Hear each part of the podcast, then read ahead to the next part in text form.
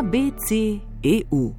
Spoštovane, spoštovani, zdaj, ko bomo z vidika svoboščin bolj omejeni, kot bi bilo za zajezitev virusa, ne mara treba, je pa znova primeren trenutek, da se vrnemo k osnovam. Se pravi, da se začnemo znova pogovarjati na čem, s čim in zakaj je zgrajena Evropska unija. To so seveda temeljne pravice, ki so univerzalne. In vezane na prostost.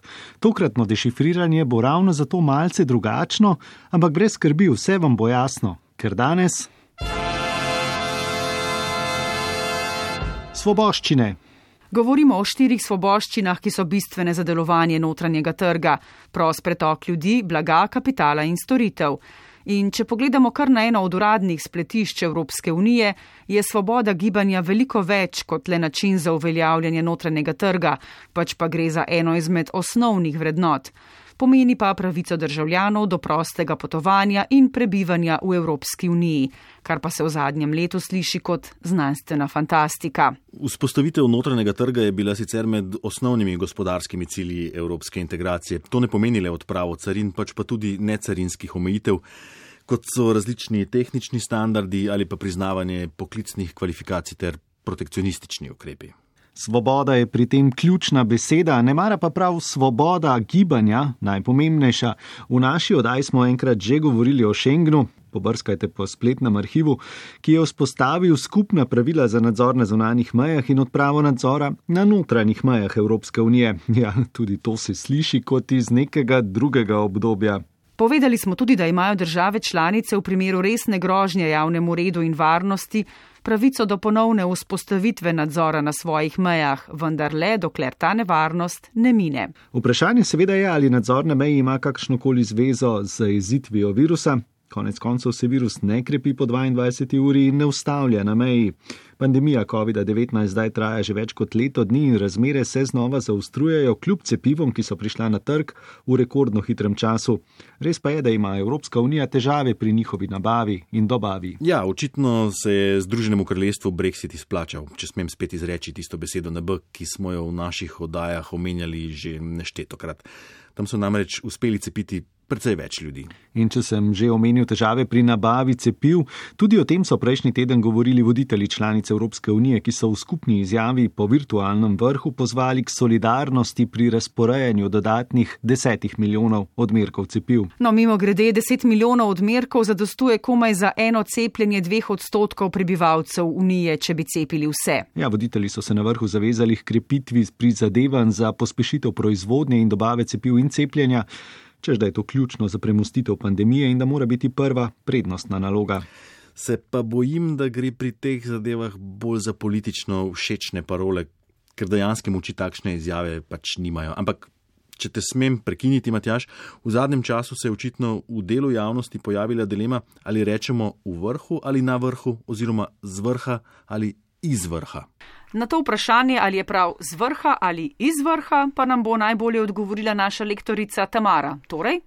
Pravilno je z vrha, zato ker rečemo, da gremo na vrh, ne, ne v vrh. Če pa gremo v nekaj, a ne da vstopimo v nekaj, recimo v sobo, pa pridem potem iz sobe. Torej, osnovno pravilo je na z oziroma s ali pa v in iz. In to velja tudi pri krajih. Ja, pri krajih tudi, ja, načeloma pri večini teh krajevnih imen rečemo, da gremo, ne vem, gremo v Ljubljano, gremo v Kranj in pridemo iz Ljubljane, iz Kranja. Seveda pa obstaja potem nekaj izjem, recimo Bled Ptuja, ne tukaj rečemo, da gremo na Bled na Ptuj in pridemo potem z Bleda z Ptuja. A, da, Ko pa potujemo v tujino, Ko pa potujemo v tujino, pa večina držav, recimo, če gledamo imena držav, tudi rečemo, v, uporabimo predlog v, recimo, gremo v Nemčijo, v Španijo. Ampak potem pa obstaja nekaj izjem po otoških državah, ne recimo Malta, Cipr, rečemo, da gremo na Cipr, pridemo z Cipra, gremo na Malto, z Malte. Pa te države nas Kaška, Slovaška, Češka, tukaj gre v bistvu za mešanje pri sklanjanju srednjega in ženskega spola, zato pride potem mogoče malo hecno rečemo, da smo na Češkem, oziroma da gremo na Češko in pridemo iz Češke. Ker sicer bi morali reči, pridemo z Češkega. Ne? Tako, tako, tako. Tamara, hvala za pojasnilo. Okay, hvala tebi.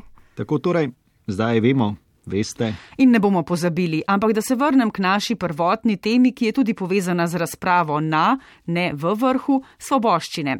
Voditelji so namreč prepoznali, da je vzpostavitev enotnega sistema za vzajemno priznano tako imenovano COVID-no potrdilo eden od ključnih izzivov, na podlagi katerega bi začeli odpravljati omejitve. Evropska komisija je namreč predlagala uvedbo digitalnega zelenega potrdila, ki bi dokazovalo, da se je oseba ali cepila proti COVID-19 ali ima negativen izid testa ali pa je COVID prebolela. In to naj bi osebam s tem potrdilom omogočilo potovanje čez državne meje in spodbudilo turizem kar je glavni razlog za željo, da bi ta sistem vzpostavili do poletja. Se pa seveda znova pojavlja izjemno veliko vprašanj. Eno nemara ključnih je povezano s samimi cepivi, saj bodo za cepilni potni list veljavna le cepiva, ki jih odobri Evropska agencija za zdravila. Ne glede na to, da nemara neko drugo cepivo prav tako pomaga kar je potem v osnovi spet težava. Je pa tudi res, da ne gre za stalne potne liste, vsaj trenutno ni tako zamišljeno, odpravljeni bi bili, ko bo konec pandemije. Upamo, da čim prej torej.